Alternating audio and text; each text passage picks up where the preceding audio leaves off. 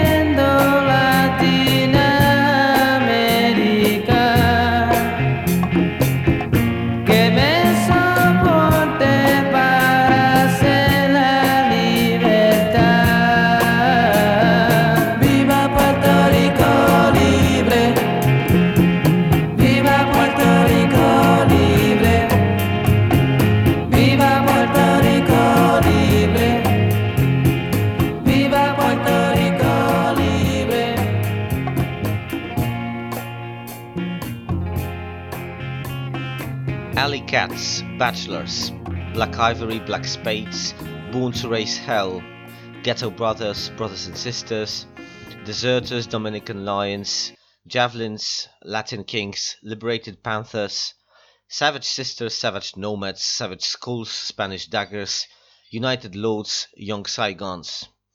To nazwy zaledwie części młodzieżowych gangów, które 8 grudnia 1971 roku spotkały się w nowojorskiej dzielnicy Bronx. Celem wydarzenia, które przeszło do historii jako rozejm przy Howe Avenue, e, było zakończenie fali przemocy, która od kilku lat przetaczała się przez ubogą, pełną zrujnowanych budynków, nękaną bezrobociem, rozbojami, kradzieżami i rosnącym problemem uzależnień dzielnicę.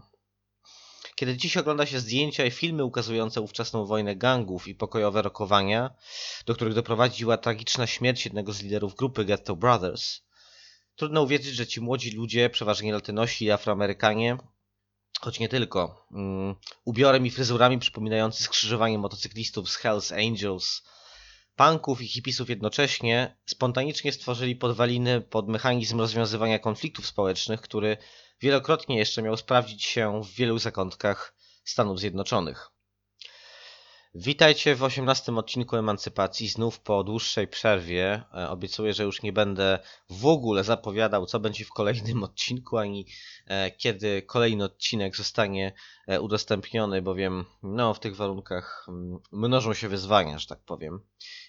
Najbliższe plany mm, podcastowe mm, musiałem mocno zmodyfikować ze względu na no, choroby potencjalnych gości, e, niektórych już umówionych. E, No, COVID niestety mm, nie wybiera.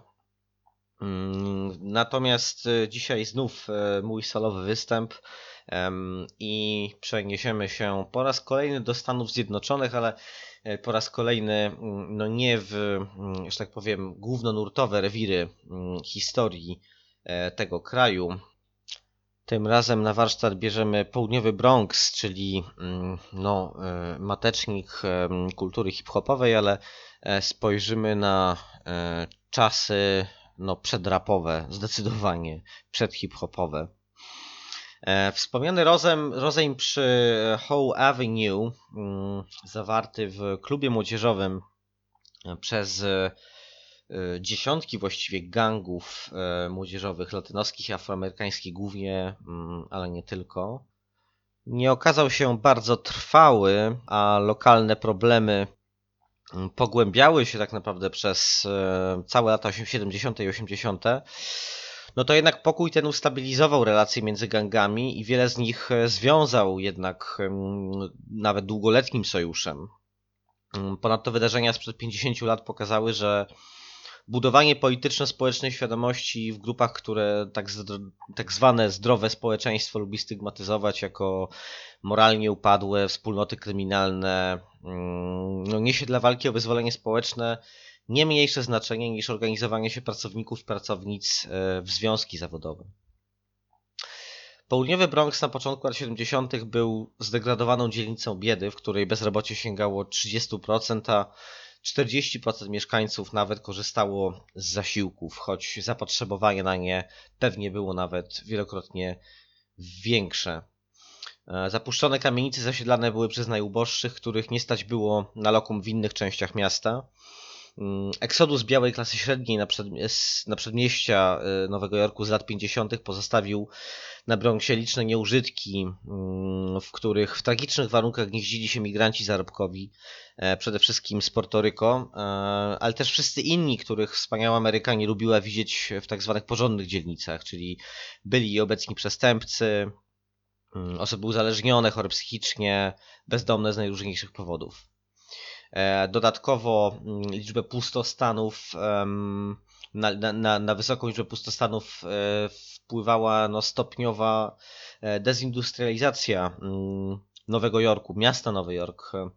Wówczas trwał proces przenoszenia fabryk, manufaktur i innych zakładów pracy no, do tej części Stanów Zjednoczonych, którą dziś nazywamy pasem rdzy.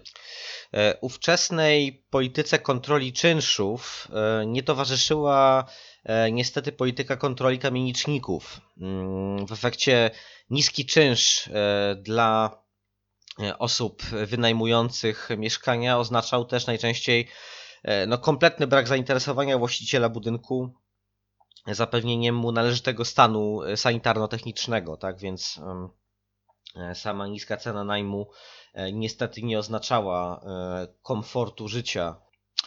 Początek lat 70. był e, jednocześnie swego rodzaju złotym wiekiem subkultur młodzieżowych. E, Interesowały się nimi wówczas zastępy socjologów i antropologów, mm, w efekcie czego subkultury na długie lata stały się najmodniejszym zagadnieniem badawczym kuszącym młodych adeptów e, i adeptki nauk, nauk społecznych. E, A owoce tego wzmożonego zainteresowania nie zawsze wywierały pozytywny wpływ na badane grupy i nierzadko przyczyniały się do egzotyzacji tych wspólnot. Mm, Niemniej również dzięki badaczom, którzy ruszali w miejsca takie jak południowy Bronx, także w towarzystwie filmowców, dokumentalistów, e, rozumiemy dziś, dlaczego gangi odgrywają tak istotną rolę w krajobrazie społecznym. Rozumiemy też, dlaczego młodzi Afroamerykanie walczący na ulicach ramię w ramię z Portorykańczykami przeciw białym rasistom nosili na plecach swastyki lub inne nazistowskie symbole, a elitarne jednostki wewnątrz swych gangów nazywali na przykład gestapo. E, Potrzeba oporu przeciwko opresji wyrażana za pomocą stylu, zabawy symbolami nie miała wtedy dla młodych gangsterów i gangsterek e, bezpośredniego znaczenia politycznego. Swastyka była w powszechnym obiegu symbolem największego zła, czymś oficjalnie wyrzucanym poza sferę prawości, zdrowego rozsądku i społecznej estymy. Zupełnie tak jak portorykańskie dzieci wychowujące się pośród gruzów e, wszechobecnych w przestrzeni południowego Bronxu. I podobnie jak symbol sierpa i młota, mm, a więc emblemat wrogiej ideologii komunizmu, wyklętej dla oficjalnej amerykańskiej wersji demokracji, e, również on znajdował się e, na charakterystycznych kamizelkach portorykańskich i afroamerykańskich gangów.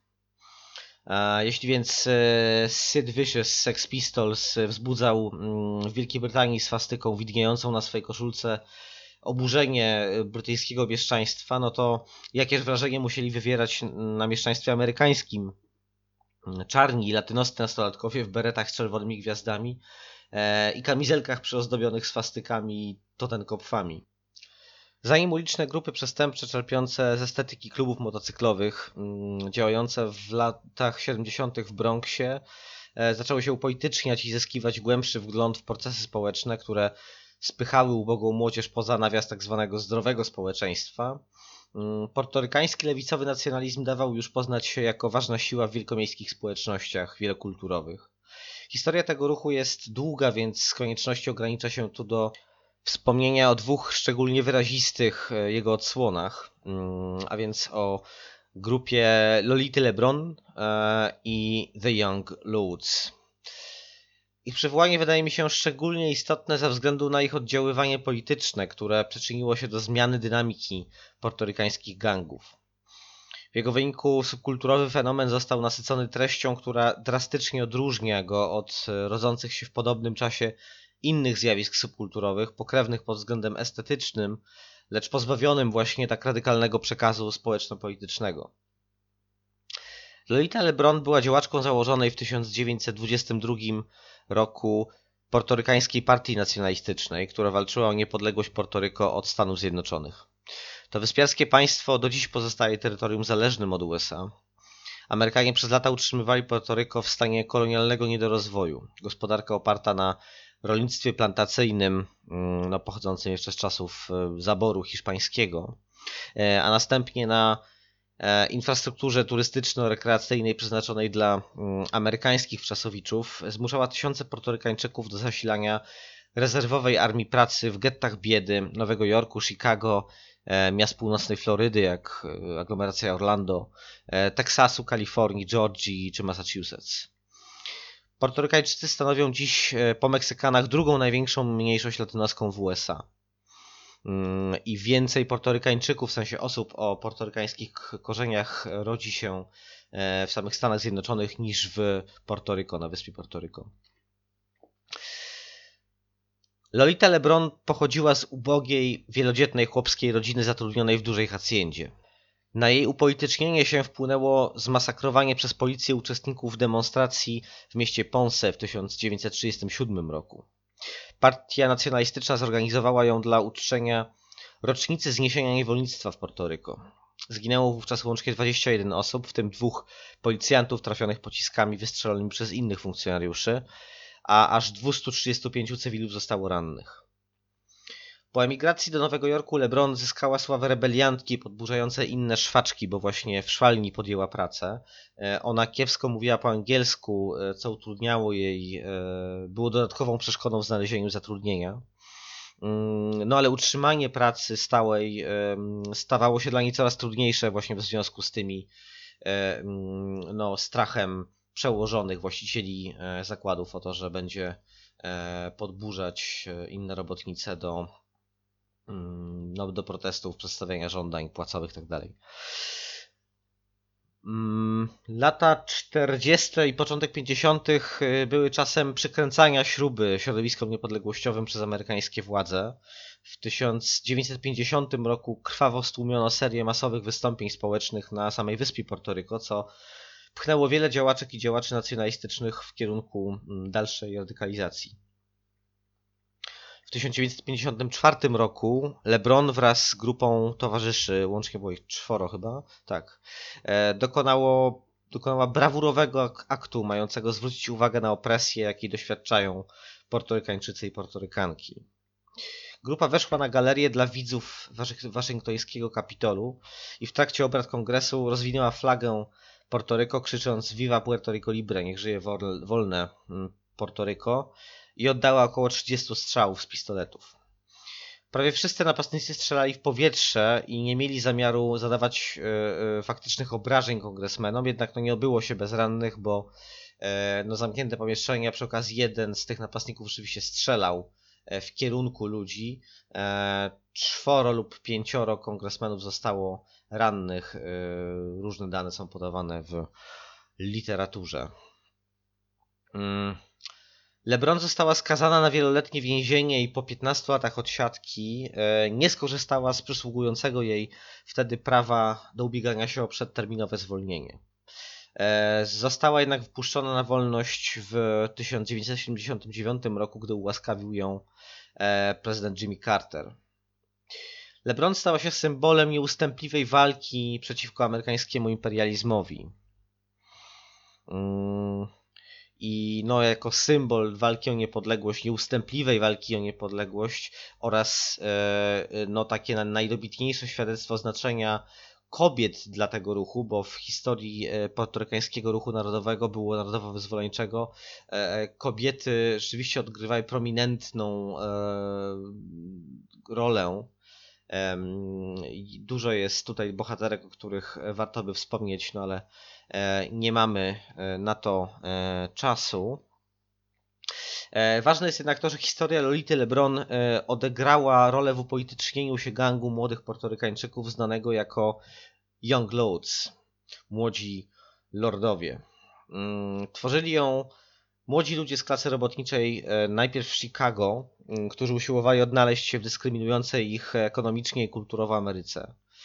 Czerpiąc z popkulturowych treści, no z takiej powiedzmy kultury rockabilly trochę lat 50., no i potem też jej późniejszych reprezentacji w filmach, Young Lords wypracowali charakterystyczną tożsamość estetyczną, której elementy odnajdziemy również w stylu gangów z Bronxu lat 70.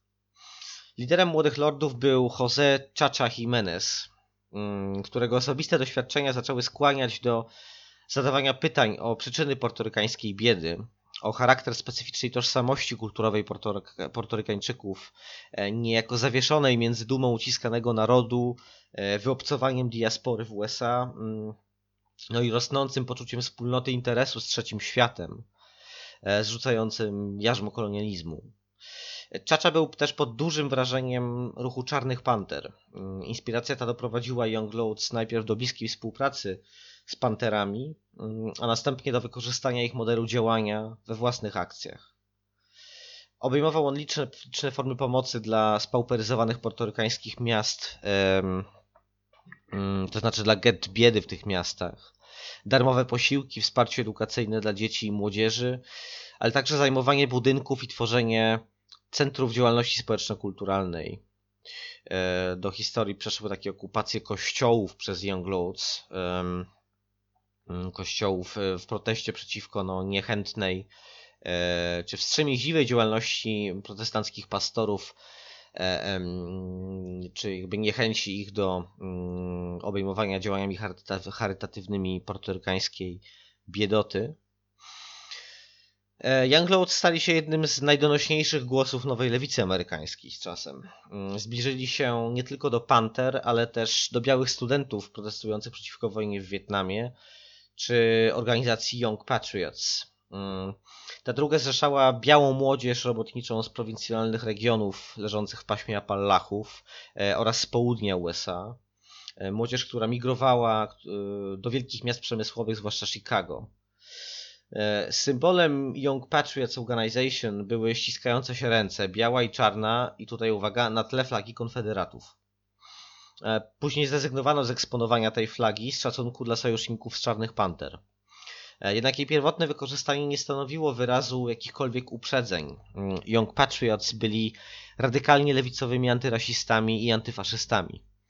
Patriotyzm i flagę Konfederacji traktowali tak jak portorykańczycy nazywający się Gestapo i paradujący w opaskach ze swastykami. Były to symbole czegoś wyklętego, zakazanego, groźnego dla tych, którzy ów zakaz ustanawiali. Dziś do dziedzictwa Young Patriots nawiązuje m.in. E, lewicowa organizacja Redneck Revolt, znana ze swojej działalności wymierzonej przeciwko skrajnej prawicy. No taki ruch e, z taką e, estetyką farmerską, tak, opowiadający się za wolnym dostępem do broni, ruch o silnym, silnej tożsamości antyfaszystowskiej, no, uczestniczący w ruchu antyfaszystowskim w Stanach Zjednoczonych i mający tutaj mm, duże mm, znaczenie dla tego ruchu w e, erze Donalda Trumpa, mm, szczęśliwie minionej, co nie oznacza kresu rzecz jasna skrajnej prawicy amerykańskiej i nie przekreśla jej e, niestety rozwoju, ale to e, inne zagadnienie. Younglords od chwili powstania w 1960 roku do 1968 roku, gdy przekształcili się no, w taką pełnoetatową organizację polityczną e, należącą do forpoczty ruchu nowolewicowego, stali się szeroko rozpoznawalni nabrali doświadczenia organizacyjnego. Dlatego też stali się obok Czarnych Panther e, i innych uczestników tzw. Tak Rainbow Coalition, tak? czyli właśnie przymierza tych e, ruchów walki o prawa mniejszości uciskanych, e, ruchów antyrasistowskich, lewicowych tak itd. Em, Stali się właśnie obok Czarnych Panter e, jednym z głównych obiektów e, działań odwetowo-represyjnych amerykańskich służb specjalnych e, w ramach niesławnej operacji COINTELPRO. Na początku lat 70. Young Lords byli coraz mocniej rozbici, targani wewnętrznymi konfliktami, a wielu działaczy i działaczek trafiało do więzienia.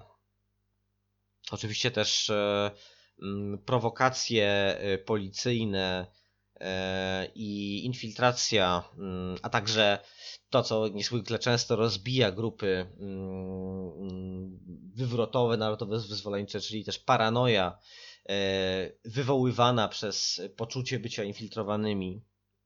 No to wszystko doprowadziło do, e, czy raczej zasiliło no, proces rozkładu e, tej grupy, e, ale to nie oznacza, że Young Lords się rozpadli, jak, tak jak się rozpada, nie wiem, partia polityczna bądź stowarzyszenie, bo e, ruch ten należy rozumieć właśnie jako ruch, moim zdaniem, a nie jako tylko e, konkretną organizację, e, czy jej tak polityczne dziedzictwo.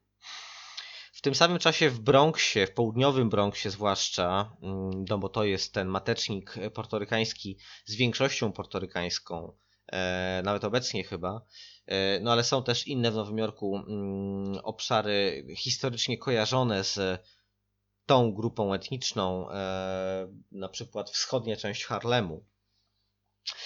Ale my tutaj dziś skupiamy się na Bronxie.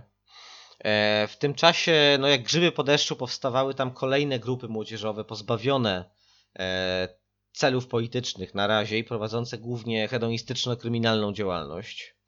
E, No a ta wzięła się oczywiście z biedy, z nudy, z poczucia braku perspektyw. Jednocześnie pomimo brutalnych walk pomiędzy nimi, większość gangów em, mm, zawiązywała y, no, takie sojusze w, idące w poprzek podziałów etnicznych. E, Więzi sąsiedzkie były bowiem ważniejsze niż odmienność koloru skóry czy wyznania. E, Wspólnie występowano przeciwko atakom rasistowskich gangów z innych części miasta e, oraz przeciwstawiano się policji. No, policji, która zresztą, prawdę mówiąc, ścigała młodych Portorykańczyków nie tylko z powodu własnych uprzedzeń rasowych, ale także z no, powodu terroru sianego niekiedy przez te gangi. Mm, Już wtedy na ulicy pojawiało się dużo broni palnej, choć sytuacja ta i tak raczej nie daje się porównać z latami e, późniejszymi. Pozycja kobiet w strukturach gangów była niejednoznaczna. Mm, Z jednej strony gangi pozostawały oczywiście zmaskulinizowane, dominował maczyzm, też głęboko zakorzeniony w kulturze portorykańskiej. E, Dziewczyny stawały się przedmiotami konkurencji młodych mężczyzn, traktowano je z góry jako obiekty seksualne przede wszystkim i tak dalej. Z drugiej strony jednak w wielu grupach e, powstawały kobiece dywizje. Mm, Tak, e, no używano słowa division wtedy na określenie jakby podgrup e, w ramach gangów. E, Wyłaniały się także całkowicie niezależne gangi e, i tworzone przez e, gangi tworzone przez dziewczyny. Nie da się ukryć, że powielały one jednak modele działania grup męskich. Trudniły się napadami rabunkowymi, biciem słabszych. Gorąca atmosfera polityczna tamtych czasów zaowocowała jednak z czasem drastyczną zmianą. Dotyczyła ona zarówno pozycji kobiet na scenie gangowej, jak i generalnej zmiany dynamiki tej sceny. E, Proces ten zainicjował jeden wyróżniający się gang Ghetto Brothers. Począt- Początkowo faktycznie składał się on z grupy biologicznych braci i kuzynów. Mm, Stopniowo jednak rodzinę zaczęła obejmować kolejnych członków gangu, e, pochodzących spoza klanu Melendezów, bo e, takie nazwisko nosili założyciele. Co ciekawe, nazwisko Melendez, nawet w przypadku osób mm, często bez e, związków e, pokrewieństwa oczywistych, ono się przewija bardzo e, e, wyraźnie przez historię mm, ruchów emancypacyjnych w obrębie społeczności portorykańskiej i na terenie Stanów Zjednoczonych i e, w samym Portoryko. Wielu było po prostu Melendezów, bojowników o, o wolność, o równouprawnienie. Y, No ale właśnie y, ci Melendezowie obserwują, obserwując y, postępującą degradację południowego Bronxu, e, której towarzyszyła coraz większa obojętność lub rezygnacja władz publicznych, e, niechętnych tak do angażowania się w tak poważne e, problemy społeczne. mm, mm, Benji Melendez i jego bracia zaczęli inwestować swoją energię w samokształcenie, samopomoc sąsiedzką, organizację ulicznych imprez mm, dla mieszkańców getta bardziej niż wsparcia z konkurencyjnymi grupami. Te imprezy, czyli słynne block parties, tak, no to stało się, stały się zarzewiami, zarzewiem em, kultury hip-hopowej, tak, też trochę kultury sound systemów, choć może to nie ba- bardziej nie ten rejon Nowego Jorku, ale e, generalnie mm, no właśnie stamtąd znaczna część e, kultury hip-hopowej się bezpośrednio wywodzi. Choć e, nie można powiedzieć, e, żeby Ghetto Brothers stronili od przemocy, zwłaszcza w początkach swojej działalności, to ich wyjątkowość polegała na tym, że mm, zaczęli oni dążyć do porozumienia z innymi gangami, no i to nie w celu mm, tak walki o wspólny interes w postaci panowania nad jakimś rewirem, czy na jakiejś współpracy mm, w działalności kryminalnej, E, ale mm, no, ze względu na to, że wspólnota interesu klasowego ponad gangową walką o lokalne wpływy stała się dla nich e, szczególnie widoczna. E, No, zwłaszcza dla lidera, czyli Benjiego Melendeza, znanego jako Żółty Benji. Pod wpływem Young Lords i ruchu kulturowego przebudzenia społeczności portorykańskiej w Nowym Jorku, znanego pod takim określeniem New Yorkan, tak? New Yorkan to dzisiaj jest bardziej określenie po prostu na e, portorykańskich Nowojorczyków, mm, ale mm, wtedy mówiono o New Yorkan Movement. Benji zaczął angażować się mm, zarówno w ruch na rzecz niepodległości Portoryko, jak i w walkę o poprawę położenia diaspory. Nie bez znaczenia wydaje się tu fakt, że Benji wywodził się ze społeczności Marranos, e, sefardyjskich Żydów, którzy uciekając przed prześladowaniami prze, mm, przed wiekami, tłumnie przybywali do mm, ówczesnych hiszpańskich kolonii zamorskich, w tym Portoryko. Swą żydowską tożsamość pielęgnowali w ukryciu i zwyczaj ten przetrwał e, bardzo długo. Benji Melendez wspominał, że jeszcze właśnie w latach 70. jego ojciec chadzał na niedzielne msze do kościoła y, katolickiego, chyba katolickiego. Natomiast e, w szabat e, no, modlił się zgodnie z nakazami judaizmu e, i czynił to właśnie w ukryciu. Co istotne, nie był to ani jedyny, ani pierwszy też przypadek tego rodzaju, bowiem żydowską tożsamość etnoreligijną kultywował też Felipe Luciano, jeden z liderów Young Lords, który pod wpływem e, pewnej postępowej nauczycielki historii, oprócz działalności politycznej, zagłębił się wła- właśnie w studiowanie e, historii Żydów i nauczył się języka jidysz. E, Sam również miał to sefardyjskie marrano mm, geny tak w sobie, mm, powiedzmy. W sensie miał przodków w swoim drzewie genealogicznym wywodzących się z tej e, kultury. Z genami oczywiście nie ma to e, nic wspólnego. E, Melendez i Luciano łączyła portorykańska narodowość o wielorasowym charakterze. To jest ciekawe. Melendez był bowiem białym latynosem, a Felipe Luciano miał rysy mm, zdecydowanie afrykańskie. Solidarność portorykańska na przekór pigmentokratycznym i rasistowskim podziałom, tak silnie obecnym w innych grupach mniejszościowych, stała się e, w pewnym czasie wielką siłą e, gangów południowego Bronxu. Benji Melendez był, e, im był starszy, tym mocniej zagłębiał się w życie religijne, nie rezygnując bynajmniej z zaangażowania w poprawę losu ulicznej młodzieży. Był przecież także socjalistą, zaczytanym w dziełach marksistowskich myślicieli, zafascynowanym rewolucją kubańską i działalnością Che Guevary. Pasją tą zaraził innych członków Getso Brothers, którzy wkrótce zbliżyli się do, porto, do portorykańskiej partii socjalistycznej. E, Do tej partii należeli zarówno lewicowi chrześcijanie, jak i tajne ugrupowania zbrojne walczące przeciwko dywersji kubańskiej antykomunistycznej prawicy, zwalczającej środowiska lewicy rewolucyjnej w diasporze latynoskiej na terenie USA. Mm. Ghetto Brothers e, zaczęli funkcjonować również jako zespół muzyczny, dając tym samym początek fali podobnych projektów, gangów e, zwracających się ku artystycznej ekspresji. Ale to nastąpiło później, w sensie ta fala wybuchła, wezbrała później właściwie rzeczywiście już no w okresie, kiedy hip-hop zaczął e, wyrastać jako mm, autonomiczne zjawisko. Mm. E, A Ghetto Brothers no, działali właśnie jeszcze w czasach przedrapowych, że tak powiem, a więc e, gangowy zespół musiał nauczyć się grać na instrumentach. Mm, O żadnych samplerach wtedy nie było oczywiście mowy. Do legendy przeszły liczne występy mm, grupy Ghetto Brothers, która w swych utworach łączyła proste liryki miłosne z tekstami poetycznymi, mm, a rock'n'rolla z latynoskim folkiem. E, Wydana w 1981 roku, a więc dokładnie pół wieku temu, płyta Power Fuerza e, to mieszanka cukierkowych dźwięków mocno zakorzenionych jeszcze w muzycznych latach 60. e, oraz elementów salsy i rocka hiszpańskojęzycznego, tak, rock en español. O, takiego drębnego gatunku, zapewne niezbyt popularnego w Polsce, nie będę się teraz nad tym rozwodził.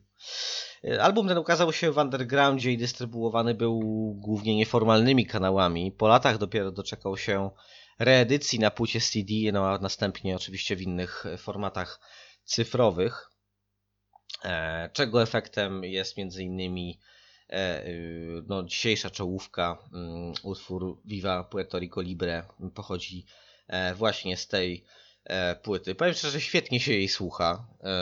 Świetnie się tego słucha po latach. No to jest taka, taki dość prosty rock and roll, ale w świetnym stylu.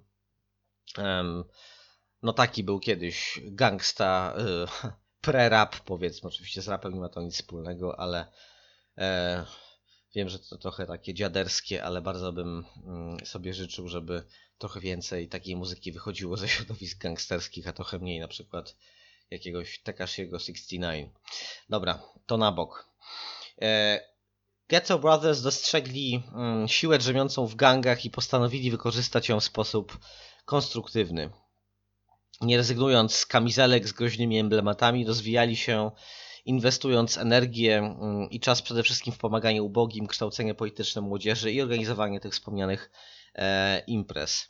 E, też trzeba dodać, że mm, w przypadku Ghetto Brothers no, na ich e, kamizelkach i no, w ich e, estetyce w ogóle nie pojawiały się e, raczej mm, te elementy faszystowskie, nazistowskie, tak jak w przypadku e, chociażby też wielorasowych e, e, mm, Savage Nomads i Savage Schools.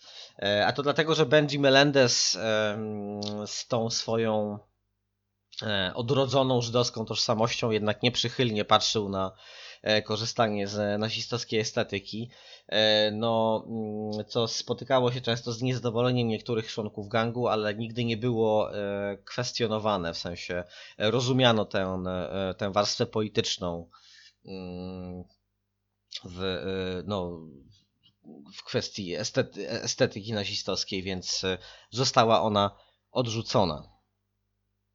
Mm, Jednym z, jednym z najdynamiczniejszych członków Ghetto Brothers był inny Benji, czarny Benji.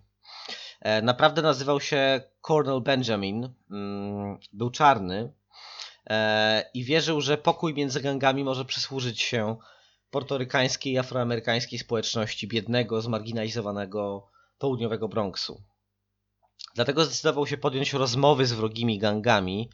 E, Wśród nich e, były m.in. Immortal Sevens, Black Spades, Turbans e, i inne. Dziś trochę trudno jest po latach o precyzyjną diagnozę, kto wówczas, które gangi wówczas były w tym mm, gronie. Też są sprzeczne relacje świadków dawnych gangsterów dotyczące tej sprawy. E, Ale niestety mm, ta jego przełomowa inicjatywa skończyła się tragicznie, bo mm, czarny Benji został pobity na śmierć, mm, gdy wraz z niewielką grupą towarzyszy postanowił odwiedzić konkurencyjne gangi. no po prostu wylecieli na niego z... e, Zdali się też z tymi przedmiotami z, za, zatłukli go na ulicy na śmierć, pomimo tego, że mówił, że przychodzi w pokoju. I rzeczywiście on do tego pokoju był jasno przekonany. Też trzeba wspomnieć o tym, że w tym czasie no, y, wojna gangów w południowym Bronxie była czymś bardzo głośnym. Też bardzo wiele poświęcano jej uwagi w mm, no, jakiejś takiej bardziej zaangażowanej prasie. Oczywiście w prasie głównonurtowej też, e, ale głównie stygmatyzując i strasząc tak zdrowe, białe społeczeństwo e, tak e, strasznymi dzikimi portorykańczykami e, i afroamerykanami, którzy mm, sieją postrach w mm, gettach biedy. Można znaleźć na YouTubie sporo reportaży, na przykład w których też widać Czarnego Będziego, e, który wypowiada się e, w rozmowach z pracownikami socjalnymi, ale też z dziennikarzami na temat sytuacji w dzielnicy. Jego śmierć, choć straszna oczywiście, stała się śmiercią e, męczeńską i nie poszła na marne. Mm, Benji zginął za pokój na ulicy, a Ghetto Brothers pod przewodnictwem Melendeza, Benjiego Melendeza, podjęli bezprecedensową decyzję o zaniechaniu odwetu. Zamiast pomścić przyjaciela, Ghetto Brothers doprowadzili do zwołania spotkania pokojowego, znanego dziś jako wspomniany już rozejm przy Howe Avenue. W internecie możemy dziś znaleźć nagrania z tego unikalnego wydarzenia. Mm, Z dzisiejszego punktu widzenia wygląda ono niemalże jak artystyczny happening lub nawet przedstawienie teatralne. Wieloetniczny tłum młodzieży w kolorowych ciuchach, przyozdobionych niewiarygodnymi ornamentami, na przykład e, no, w postaci symboli SS, tak, na skórzanych kurtkach noszonych przez czarnych chłopaków z afro na głowie. No, robi to piorunujące wrażenie. Mm, Spotkanie to miało jednak w rzeczywistości jak najbardziej poważny charakter, a jego efektem było złagodzenie fali przemocy przetaczającej się przez południowy Bronx. Historycy i dziennikarze zajmujący się tym okresem dziejów e, i nowojorskimi gangami przekonują, że definitywne złamanie rozejmu nastąpiło dopiero w połowie lat dziewię- lat 80., mm, gdy subkultura gangowa e, zyskała zupełnie nowy charakter. Ukształtował się on pod wpływem najbardziej zabójczego elementu ulicznej rzeczywistości związku wielkich pieniędzy z wielką biedą. Apogeum tej niszczycielskiej siły była epidemia kraku, która wyniosła przemoc ulicznych gangów konkurujących o zyski na zupełnie nowy poziom. Mm, To już jednak tragiczna, inna tragiczna historia, mm, też niebywale wielowątkowa. E, Jeśli jesteście zainteresowani, zainteresowane mm, portorykańskim e, lewicowym nacjonalizmem, e, losami portorykańskiej diaspory w Nowym Jorku i tak dalej, to istnieje naprawdę sporo wartościowych źródeł, do których możecie sięgnąć, żeby pogłębić wiedzę o tym, mm, no, co pobieżnie zaprezentowałem w tym odcinku Emancypacji. Mm, Jeśli chodzi o Young Lords, to polecam Wam przede wszystkim książkę The Young Lords Are Reader, zredagowaną przez Darela mm, N.K. Woncera, w której oprócz szczegółowych omówień poszczególnych e, tak, aspektów historii tego ruchu znajdziecie oryginalne teksty z epoki, że tak powiem, czyli przemówienia, pamflety i tak. Mm, Równie godna polecenia jest świetna praca e, jo, e, Johanny Fernandez, mm, radykalnie, radykalnej naukowczyni zaangażowanej w ruchy antyrasistowskie. E, Książka ta nosi tytuł The Young Lords A Radical History. E, Jeśli zaś chodzi o gangi z lat 70., mm, no to tutaj bez trudu e, znajdziecie na YouTubie źródła, które są według mnie ważniejsze niż książki. E, Bo tutaj aspekt wizualny czy audiowizualny mm, odgrywa ogromną rolę, jak sądzę. I najbardziej znanym filmem dokumentalnym jest e, 80 Blocks from Tiffany. Mm, 80 Blocks from Tiffany's. Tytuł ten odnosi się do odległości dzielącej gangowy matecznik południowego Bronxu e, od słynnego luksusowego sklepu mm, jubilerskiego mm, Tiffany's. E, W 2015 roku ukazał się nieco trudniejszy do znalezienia w sieci, ale wciąż jest to możliwe, dokument Rubble Kings, mm, oparty w dużej mierze na fragmentach 80 Blocks from Tiffany's oraz nagranych po ponad 40 latach e, wypowiedziach bohaterów ówczesnych wydarzeń. E, Można też na YouTubie znaleźć niezależne od filmu tak rozmowy z e, tymi byłymi członkami gangów, e, zwłaszcza interesujące są te z byłymi e, członkami Ghetto Brothers, e, ale nie tylko. Mm, Dawni członkowie tych bardziej agresywnych e, Savage Nomads czy Savage Schools. No też wielu z nich wciąż żyje i, i można mm, rozmowy z nimi znaleźć na, e, e, na YouTubie. Natomiast według mnie, e, choć oczywiście polecam te dwa filmy 80 Blocks From Tiffany's i Rubble Kings, to według mnie najlepszy portret socjologiczny, e, socjologiczno-antropologiczny powiedzmy, e, tych portorykańskich gangów e, oferuje inny dokument. On nosi tytuł Flying Coat Sleeves. No, czyli tak, tytuł odnosi się do tych właśnie ala Harleyowych kamizelek stanowiących no, obowiązkowy ekwipunek mm, omawianych gangów. Mm, On jest zbudowany, ten film Flying Coat Sleeves, na materiale wideo zebranym przez e, niejaką Ritę Thatcher e, i jej ekipę, e, która w Bronxie z kamerą i mikrofonem w południowym Bronxie mm, nagrywała go w latach 70. Em, Są tam też rozmowy Thatcher z byłymi członkami i członkiniami gangów. Bardzo ciekawe są te losy kobiet, on, które ona tam bardzo wyraźnie eksponuje. Dawnych członkiń gangów, które e, wyszły z tych gangów. Rita Thatcher była e, nauczycielką, e, która została zatrudniona przez jedną ze szkół na Bronxie, mm, nauczycielką białą o etnosie, no innym niż dominujące etnosy w tym zakątku Nowego Jorku. I ona mm, no, okazała dużo zainteresowania i otwartości tym gangom i zaskarbiła sobie szacunek tych gangsterów na całe lata. Ona pokazuje tam wiele ciekawych postaci z tego świata, no właśnie po latach w zupełnie nowych rolach społecznych. I przeważnie nie są to obrazy nędzy i upadku. Owszem, są to obrazy życia w ubóstwie, ale no, ludzi, którzy mm, jakoś tam wyszli na prostą, zachowując jednocześnie niesłychanie ważny, mm, e, niesłychanie ostry zmysł krytyczny, jeśli chodzi o ocenę rzeczywistości społecznej. E, Dawni członkowie Savage School, Savage Nomads, Reapers, Ghetto Brothers, tych wszystkich innych niezliczonych formacji młodzieżowych, powiedzmy, obrali w życiu różne drogi. E, oczywiście dla niektórych e, skończyły się one tragediami, więzieniem, śmiercią, uzależnieniem, różnymi takimi rzeczami, o których e, e, tabloidy, a także stabloidyzowana, bym powiedział, e, socjologia lubi nas, nas, nas informować. Mm, Jednak historia mm, tych portorykańskich awanturników i awanturnic to nie jest tandetny moralitet. Jak przekonujemy się dzięki literaturze i filmom, e, tym i innym, e, które można dzisiaj bez większego trudu znaleźć w internecie na szczęście, mm, no zadziwiająco wiele z tych osób postanowiło poświęcić życie pracy socjalnej, edukacji młodzieży i innym formom e, wspierania lokalnych społeczności.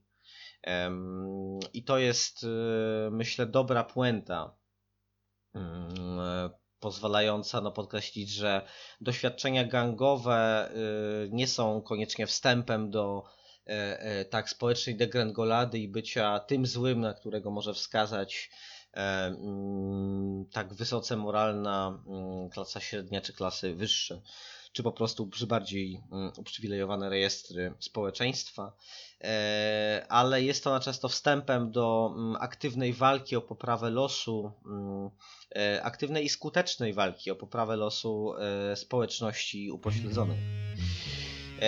Tym może trochę pretensjonalnym akcentem, ale myślę, że jednak ważnym, takim przecież nie mijającym się z prawdą, e, kończę e, moje 18 spotkanie z Wami.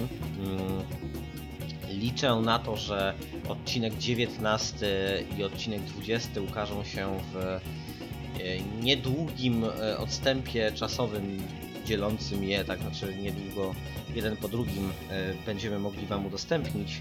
E, staram się o to walczyć, żeby były to też odcinki, e, mm, w których będę miał gości, gościnie.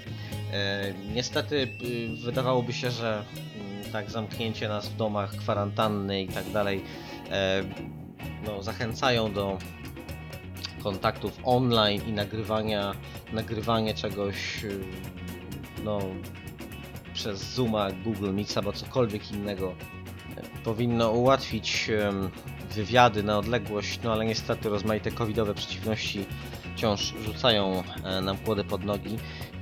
Ale podcast żyje, e, my żyjemy.